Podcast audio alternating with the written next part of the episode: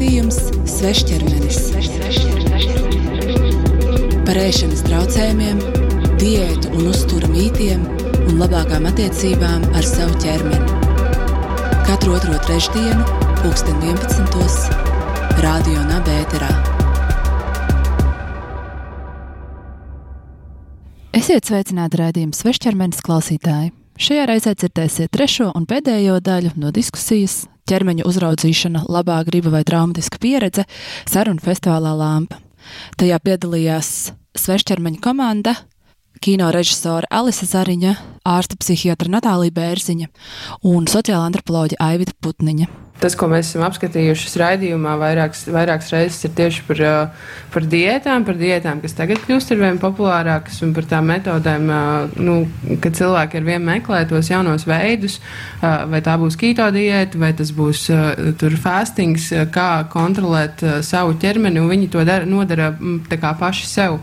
Um, un uh, es domāju, varbūt Natālija par tām uh, diētām runājot, mēs jau tā kā mazliet pieskārāmies, bet varbūt tādā tieši mūsdienu un tagadnes uh, izpratnē, kad tu satiec, uh, tā kā, mm, satiec savus vai nu pacientus, vai nu vispār skatoties sociālos mēdījus un vispārējo par to diētu kultūru, kas tagad veidojās un, uh, un uh, kā tas kā psiholoģiski varbūt izskatās viss.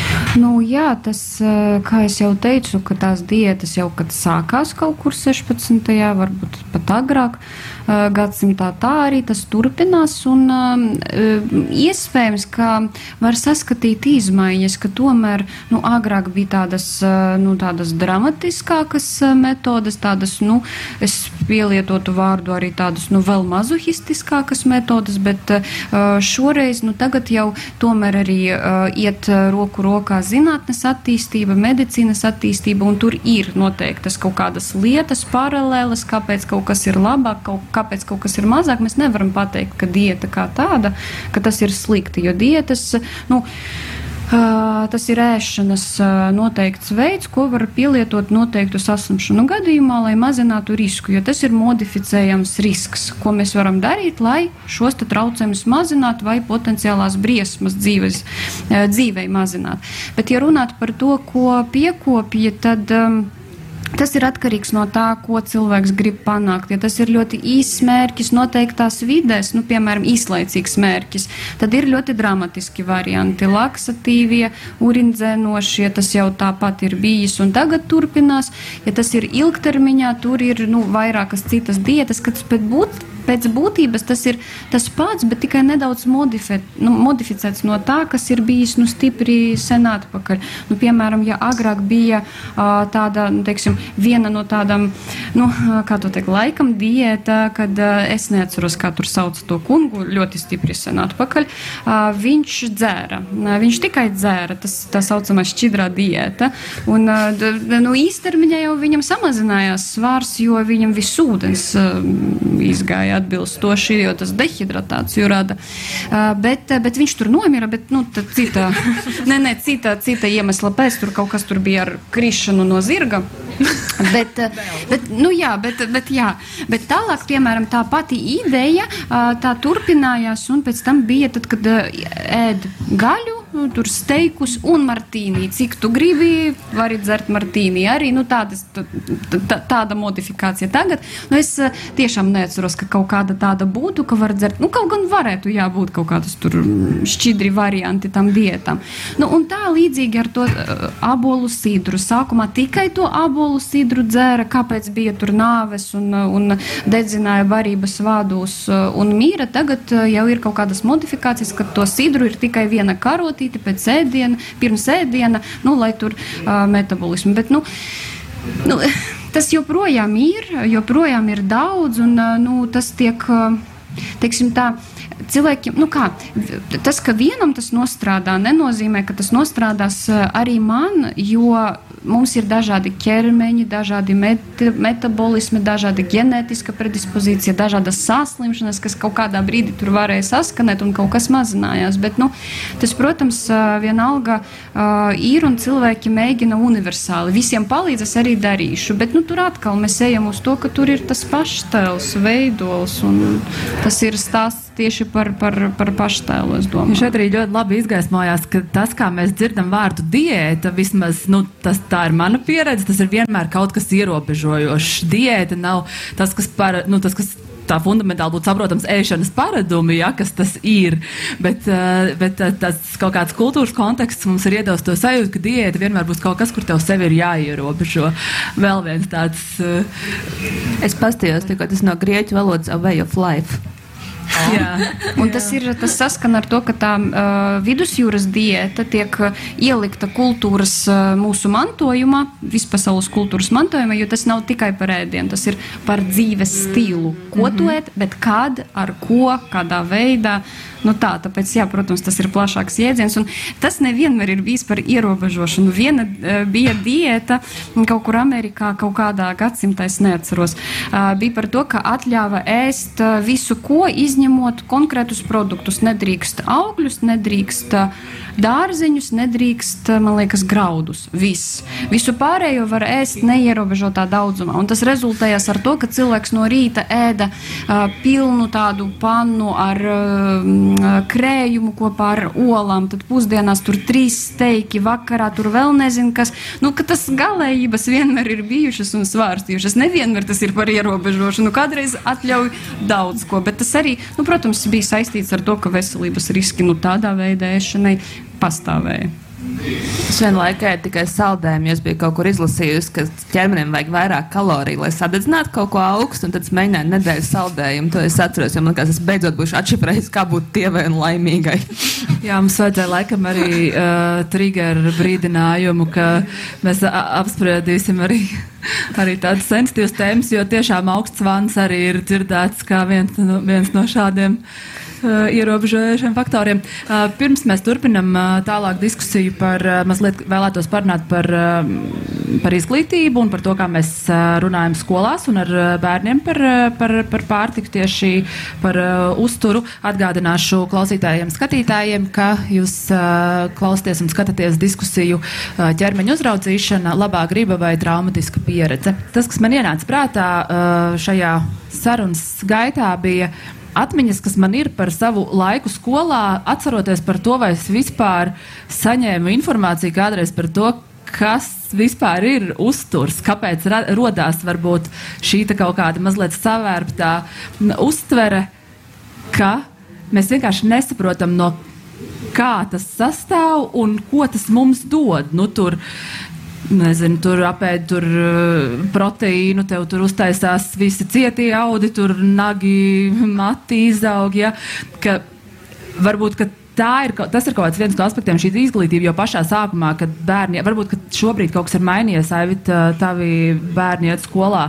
Nu, to versiju par, par, par, par metabolismu un, un vispārējo, es domāju, ka nē ka tas nu, tā, tā drīzāk ir tradīcija, nu, ko, ko mēs un kādā veidā ēdam. Un tāpat skolas tiks, tas ēdiens, es arī esmu redzējis, ka varbūt ārkārtīgi dažāds, ka to pašu balansu var panākt no nu, ārkārtīgi skaisti un, garšīgi, un, un varbūt arī skolas ēdiens kurš varbūt tāds nav un pēc kura ir jāstāv rindā, un, un varbūt to rindu paspēj izstāvēt, pēc tam nevar paēst. Un, ja viņš ir sabalansēts un tev jāaprīt trīs minūtēs, nu tad arī līdz ar to tad, tā, tas, tas viss balans uh, uh, pazūd. Bet nu, nu, nu, tā ir taisnība, ka nu, gan, gan ģimenēs, uh, manuprāt, es neesmu redzējis tādu cilvēku, kur tā, nu, tā, tā ļoti skaisti to šķīvi kārtotu, mm -hmm. tā kā uh, nu, teorētiski bildītais rāda ar tiem salātiem vai, vai, vai, vai visu pārējo. Bet, eh, man liekas, ka bērni jau kopumā ir ļoti labi informēti, ka uz to McDonaldu bieži iet nevajag, ka tas ir nu, eh, nu, kaut kas tāds, kas ir ārkārtīgi ekstrēms, un tie viņi saprot, kāpēc eh, un, un kas tur ir iekšā. Nav jau runa par to, ka mums visu laiku jāēd tas skaistās proporcijas, nu jautājums droši vien ir par samērīgumu un, un Nu, un to, kas ir aiz mums, ja mēs dzīvē jūtamies droši, saprasti, mīlēti, nu, tad mums nav jāmeklē nu, tā sevis um, apmierināšana kaut kur citur. Un, un, un šīs garšas, um, nu, šīs īpašības, tās jau nāk krietni ātrāk. Tās, tās nāk no zīdīšanas laika. Ja, un, un, uh, un, un tur tās, tās garšas īpatnības un, un arī vēlme pēc, pat, pēc, pēc tā ēdiena arī veidojās. Un, un to mēs redzam, ka e, tā zīdīšana pēdējos gados ir gājusi jā, uz, uz augšu, bet, e, bet joprojām Latvijā tas vidējais zīdīšanas periods, neesmu tagad paskatīsies, bet, bet ir salīdzinoši zemes bērniem, kas, kas e, liecina, ka nu, tā būs atkal tā pārtika, kur, kuru vecāki iedos. Un es esmu Anglijā redzējis arī tādu sešu mēnešu zīdaini, kurš pārtiek no Coca-Colas. Tā kā nu, ir.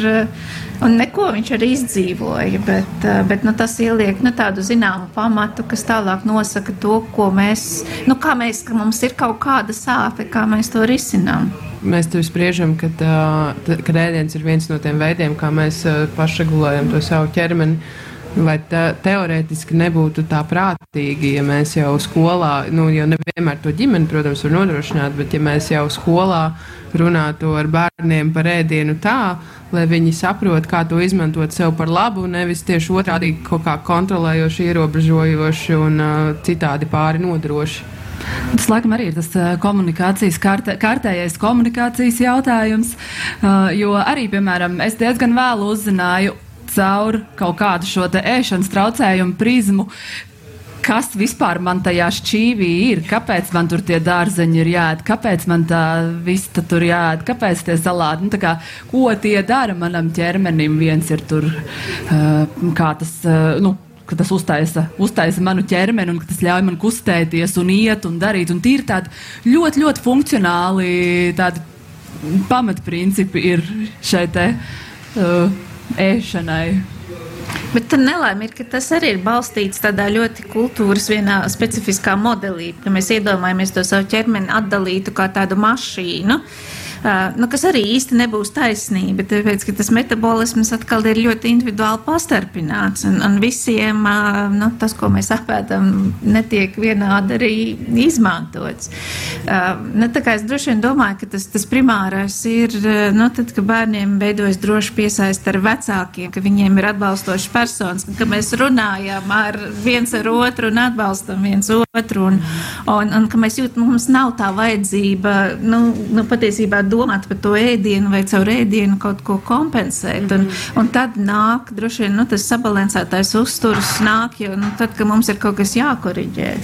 Jo būtībā ideālā gadījumā tas, ko es dzirdu, mums nevajadzētu vispār domāt par ēdienu. Nu, nu, kas arī, ko Natālija ir jau minējusi. Tad, Teorijā, kad... jā, nu, tas ir veids, kā mēs dzīvojam, mēs kādreiz kaut ko izbaudam no ēdiena, un, nu, kad, nu, kad tas fokus tai uzmanībai, ka viņu var nu, sadalīt arī uz citām sfērām, jo izņemot to ir ļoti daudz vēl kaut kas cits. Nu, un tas arī daļēji uh, palīdz un daļēji ir arī iekļauts ēšanas traucējumu ārstēšanā, psihoterapeitiskā, ja, ka mēs tur pateicamies savam ķermenim par to funkcionalitāti, bet arī redzam to, kas ir apkārt vairāk. Mm -hmm. Mums jau arī spēks sociāli tas ēdiens ir, nu tieši es zinu, ka jūs arī noteikti zinat, jūs vēl kāds tam tad bija ēšanas traucējumi.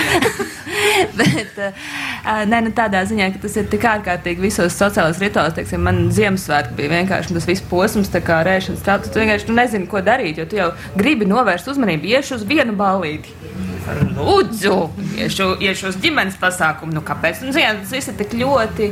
Jo viens ir, kā mēs paši veidojam to savu ikdienas sēšanu, bet otrs, ka tiešām ir nu, visi svētki, visi pasākumi no sērijas. Nu, vai nāc ciemos, es taisīšu to un to. Un, protams, ka gatavot ir kaut kāda brīnišķīga lieta un arī kaut kāds veids, kā, kā to darīt. Bet tur arī kaut kā mēdz būt tas. Nu, nu, Es nezinu, varbūt mēs nespējam kā, kaut kā uzaicināt cilvēku pie sevis parunāties, bet mēs viņu varam uzaicināt uz skābeņu zūmu. Tad no tā kaut kas arī tāds interesants veidojas, tā, tā sajūta, ka tu, nu, randiņi vakariņas. Nu, es nezinu, es, kurš vispār pirmajā randiņā grib ēst. Visi pārāk satraukušies, bet visi iet ēst, neskatoties pirmajā randiņā. Nu. Tāpēc, ka ēšana ir cilvēkiem komunikācija. Un, un tā ir, ka uz randiņiem, kad cilvēki iet, viņi nēd, viņi mums nevar paēst, tāpēc, ka mēs ar svešiem cilvēkiem kopā nēdam. Ir ļoti nērti ēst svešiem cilvēkiem kopā. Un, un ēšana ir apliecinājums nu, tai, tai saiknei, ka mums ir saikne ar to cilvēku. Un tāpēc arī, kad mēs ejam pie radiniekiem, tad ēšana ir tas, ka mēs pasakām, tu mums esi vajadzīgs, un es par tevi rūpējos.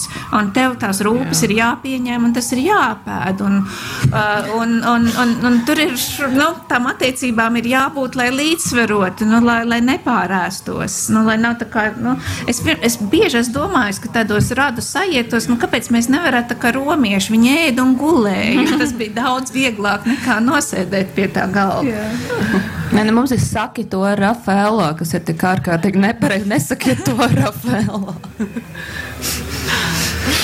Uh, bet uh, par, par to ēdienu un to nu, sociālo ēdienu aspektu es uh, tā personīgi ļoti labi atceros, ka man kaut kādas tādas pirmie brīži, kad es izjūtu tādu trauksmi par to, ko es ēdu ikdienā pati, pat nesot ar kopā ar citiem cilvēkiem, bija tas brīdis, kad es sapratu, ka visiem ir tik nenormāli estētiskas un interesantas un ar kaut kādiem superfoods uh, iespējīgajām sastāvdaļām sataisīts ēdienreizes, kas tiek likts Instagramā konstanti, un ka tas ir tāds vesels viens aspekts, kas man liekas līdz tādai, es teikšu, tieši Instagram, liekas, parādīšanās brīdim, pat varbūt nebija reāls uh, trauksmes avots. Nu, tāds nebija nekas tāds, kas, nu, neviens nesūtīja. Kā, vienkārši iedomājos, tas ielacīja nofočēt ar ziepenes kameru un tad uztaisīt, attīstīt bildi, ielikt foto, ielikt, ģimenes foto albumā. Ģimenes foto albumā, uztaisīt uh, sadaļu man ēdi. un uh, tā kādreiz neviens nedarīja, un tagad mēs tā darām visi un visu laiku laiku. Un, uh, līdz ar to man liekas, tas ir arī papildus stimuls, par ko uztraukties. Vai, vai, vai mans ēdiens ir pietiekami labs, estētisks, uh, bioloģiski audzēts, visādi citādi lielisks, lai viņu varētu publicēt Instagram vai nē? Jā, es domāju, ka tas ir saistīts ar hedonismu, jo tas arī ir iesaistīts ēšanā kā uzvedībā. Tur ir daļa no emocionālās, ir uzvedība, motivācija un šī te bauda, hedonisms. Tāpēc es domāju, ka nu, tās bildes daļēji, protams, ir par to ēdienu, bet daļēji ir arī par kaut kādu tur tādu, nezinu, statusu. Nu, arī, arī tas varētu būt. Un tas atkal iet par to, ka, nu, re, es esmu labāka nekā jūs. nu, nu, protams, bet man liekas, ka, ja nu, noņemt tos, tos, tās ietekmes, ka tas arī varētu būt vienkārši par to, ka, nu, ka cilvēkiem mēdz patīk kaut kas, ko viņi vērtē kā skaistu. Un man varētu patikt tā bilde, citam var nepatikt. Un es tad sēžu, nu, kāpēc man ir nelaiko? Nu, kas? Kāpēc viņi nesaprot? Nu, tā. Es domāju, ka tas uh, tiešām ir par statusu. Ja tas būtu baudai, tad mēs vienkārši apēstu, mēs pirms tam viņus nebildētu. bet, no, bet, ne, no, no, no tā ir. Mēs liekam kniepšanās bildes arī vienkārši Instagram, no es to pārkāpšu kaut kādas radio robežas. Jā, un, bet es atcerējos, kamēr jūs runājāt, um, tad nu, precētas Japāņu sievietes dzīve, kad es intervēju, un, un tad, tad viņi ceļās piecos, un tad divas stundas gatavo savam vīram bento kastīti, nu, kur ir tie ļoti daudzie ēdieni pa maz drusciņai. Un tas ir vismaz no nu, divas stundas pātro, lai varētu uztaisīt. Un tāpēc tu naktī guldi četras stundas, lai vīrs, kad atnāks uz darbu, viņš izpakos to tavu kast, nu, savu kastīti, nu, ko tu esi sataisījis. Un tad viņi visi apskatās un samērā samērās ar savām sievām, nu, caur tām kastītēm ēdienu. Bet tur ir ļoti mikroskopiski. Nu, ēdiena nav daudz, bet tur ir jābūt nu, vismaz kaut kādiem, nu, tāpēc, ka tur vismaz septiņi nodalījumi ir vai pat vairāk. Vai Un tad tur katrā kaut kas ir um, skaisti salikts. Nu, tā kā to var principā izdarīt arī veselībai nekaitīgā veidā, nu, izņemot to, ka nevar pagulēt. izņemot to, ka tai sievietei divas stundas agrāk jāceļās. jā, tas tāds, jā. Varbūt pirms mēs teikt, virzamies uz sarunas noslēgumu, es vēlētos aicināt, ja kādam no klātesošajiem ir kāds jautājums, ko jūs vēlētos uzdot mūsu panelim. Šeit priekšā mums ir mikrofons. Aicinu pienākt, kamēr vēl esam šeit. Ja nē, tad visi sabijās. Ja. Varbūt arī. Jautājums.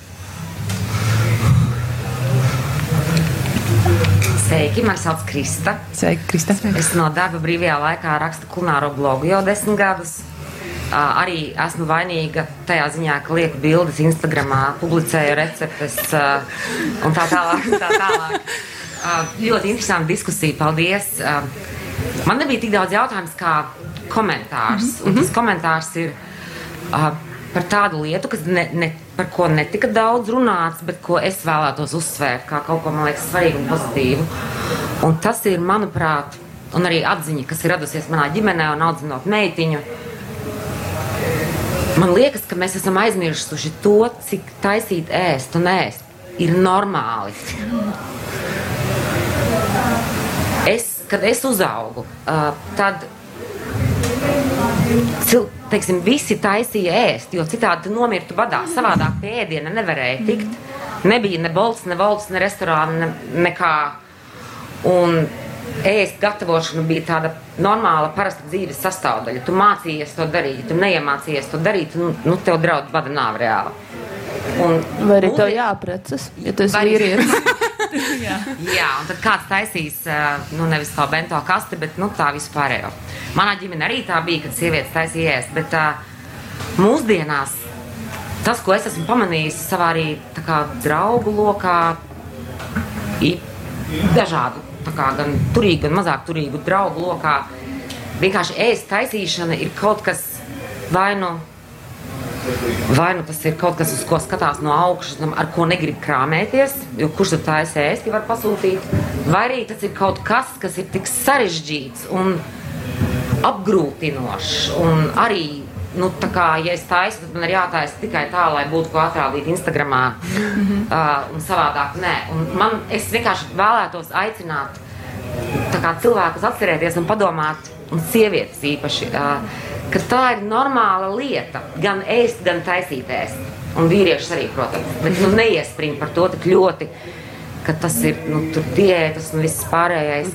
Tā ir tā ir parasta, normāla lieta, ar ko nodarboties. Tas nav, tam nav jābūt kaut kam samocītam, kaut kam īpašam. Un ēst ir forši.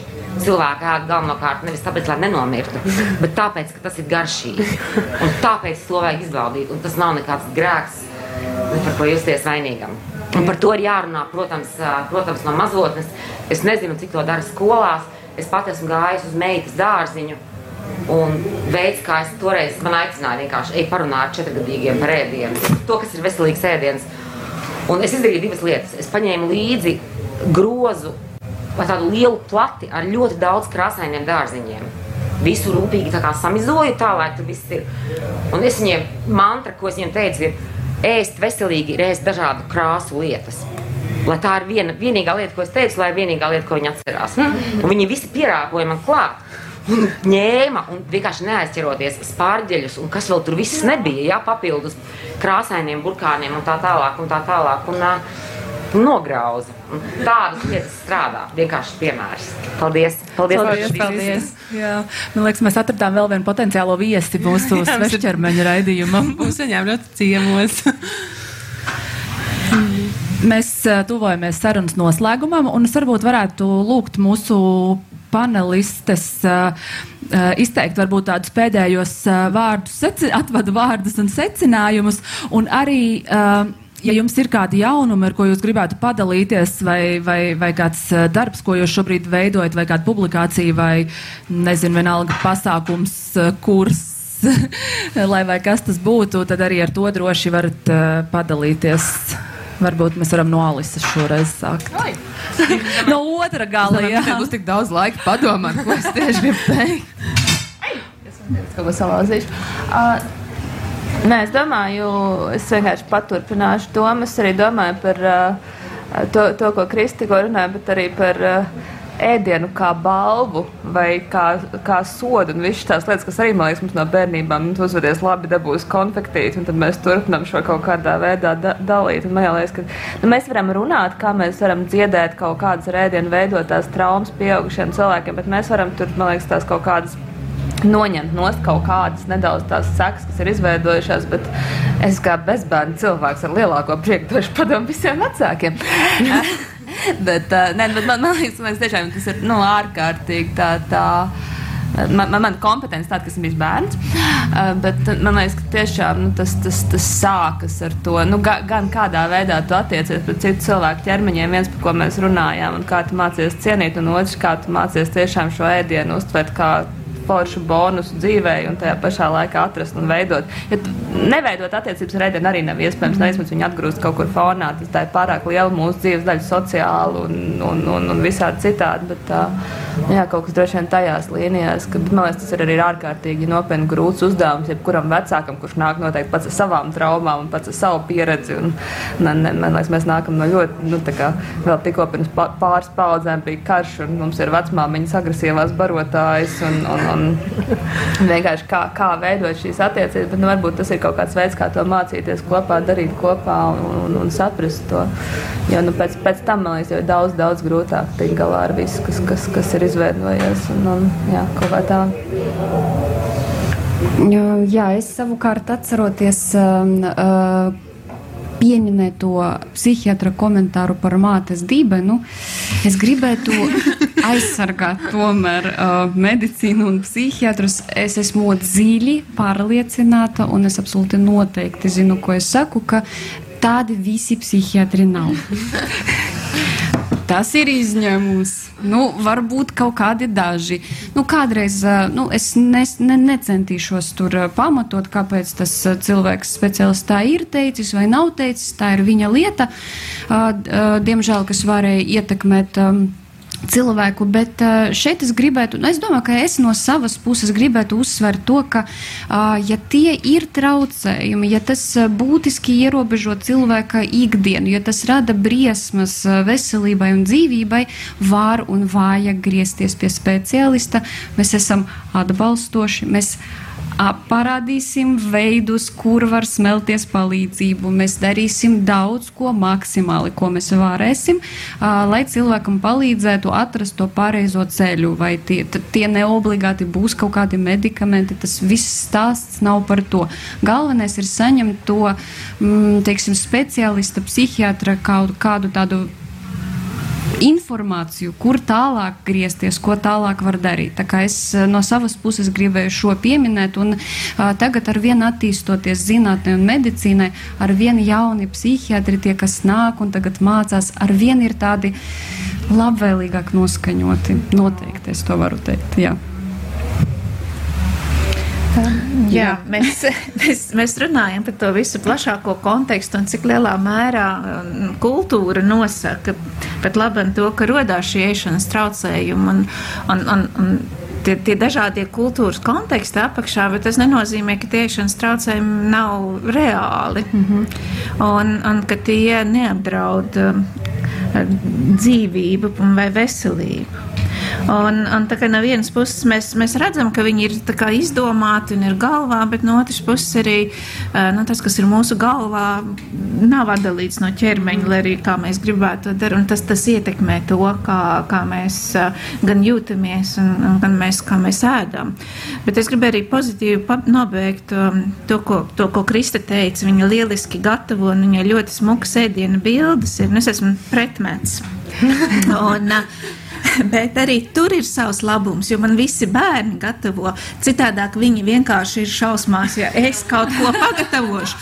Jā, jā, un tad viņiem nāksies to ēst, ja viņiem būs nērti man aizvainot un, un, un nēst. Un, un tāpēc viņi vienmēr ļoti ātri paskatās, pirms es esmu iegājis virtuvē, viņi paspēja pirmie. Un, uh, Un tā rezultātā man ir ļoti labs un veselīgs ēdiens, jo jaunieši lieliski viņiem to nemāca skolā, to neiemāca mamma.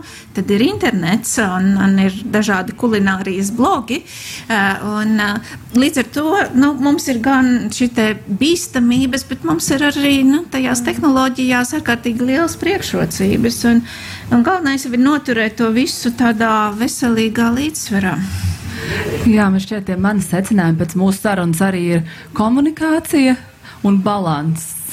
Balans un tas konteksts, kurā, kurā mēs uh, iekļaujamies. Um, jā. Nē, nē, mēs vienkārši esam uh, visu laiku arī sve, nu, veidojot svešķermeni un uh, raidījumus. Gandrīz katras epizodes beigās secinājums ir, ka viss ir balansā. Varētu šķist, ka tas ir tik vienkārši un primitīvi, bet tiešām uh, viss vis tā sāls slēpjas tajā, ka cilvēks ir balansā ar uh, to, ko viņš ikdienā dara. Uh, ēd, kā viņš atpūšas, uh, kā viņš lasa internetu un tā tālāk, ja šīs lietas var balansēt. Labi, uh, un tad uh, turpinot uz šīs pozitīvās nots un par to, ka tāda ķermeņa regulēšanas prevencija ir kā, nu, principā arī kaut kādā mērā katra mūsu atbildība, tad mēs gribam izcelt vienu, viena kāda politiķa tvītu Konteksts ir tāds, ka ir vasaras olimpiskās spēles, ir uh, Delfi ielikuši rakstu, ka sports ir skaists. Un uh, par kā, bildi, galvenā bilde, kas tur ir redzama, ir volejboliste, kura krīt pēc bumbas. Un, protams, viņai ir ārkārtīgi, ārkārtīgi, ārkārtīgi īsi šortiņi. Un tas ir kā, tas galvenais uzsvers šim. Un, tie šis... nav šortiņi. Tie nav šortiņi, jā, bet es nezināju, kā aprakstīt. Bet uh, nu, uh, kāds politiķis ierakstīja tvītu, godājumie Delfi, uh, Delfi LV redakcija 100% piekrīt, ka sports var būt skaists skaists. Tomēr man ir problēma ar vizualizāciju pie raksta sievietes ķermeņa priekšmetošanu un seksualizācija nav veids, kā sporta skaistumu ilustrēt. Varam labāk. Un Delfi bildi nomainīja un pratās uz visām olimpiskajām spēlēm. Tas nozīmē, ka mēs varam ietekmēt pārmaiņas pat ar Twitteri. Bet jā, mēs ar Martu sakam paldies mūsu panelim, Alisei, Natālijai, Aivitei. Paldies, ka bijāt šeit kopā ar mums, eh, Alma Mātera skatuvē. Paldies eh, panelim vēlreiz un jā, uz redzēšanos, lai labs festivāls! Ja vēlaties uzzināt svešķermeņa jaunumus, piesako mums un Radio Naba Facebook un Instagram profilos. Šobrīd gatavojam jauno sezonu jums, mūsu dārgie klausītāji, un tā jūs sasniegs jau 5. janvārī. Tāpēc šobrīd dodamies nelielā pauzē, un eh, Tiekamies jau drīz. Ja vēlaties dalīties ar savu stāstu par uh, attiecībām ar savu ķermeni vai ēšanas traucējumiem, vai arī ieteikt kādu viesi, ko labprāt vēlētos dzirdēt raidījumā, raksti mums uz svešķermenis atsvešķermenis.lv. Raidījums Svešķermenis par ēšanas traucējumiem, diētu un uzturu mītiem un labākām attiecībām ar savu ķermeni katru otro trešdienu, pulksten 11. Radio Nabērā.